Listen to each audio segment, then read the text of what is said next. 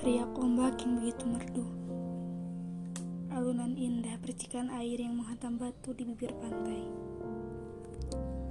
Kicauan burung ikut bersenandung di tengah hembusan angin.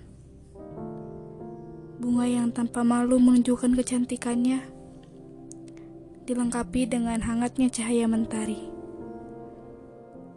Seluruh keindahan itu cukup untuk menemani jiwa yang sedang merintih meratapi kehidupan yang begitu perih.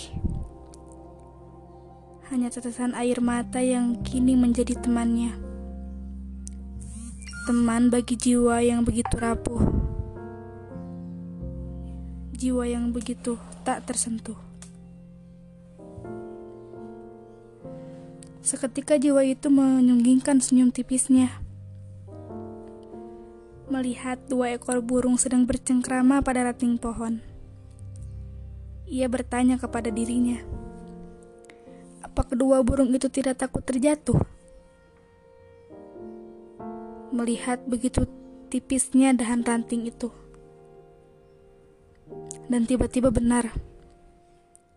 Ranting itu patah. Apa yang ia pikirkan pun terjadi.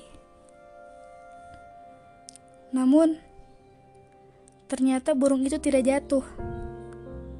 Kedua burung itu dengan cepat mengepakkan sayapnya sehingga tak ada kesempatan untuk menyentuh tanah. Jiwa itu seketika, sadar bahwa burung yakin bahwa ia punya sayap. Sayap yang akan selalu melindunginya. Begitupun dengan kehidupan. Kita punya Allah yang akan selalu melindungi kita, melindungi hamba-hambanya jiwa pun tersadar bahwa hanya satu yang bisa dijadikan sandaran, yaitu Tuhan semesta alam, Allah Subhanahu wa Ta'ala. Setelah apa yang ia renungi, ia pun mulai berjalan menyusuri bibir pantai,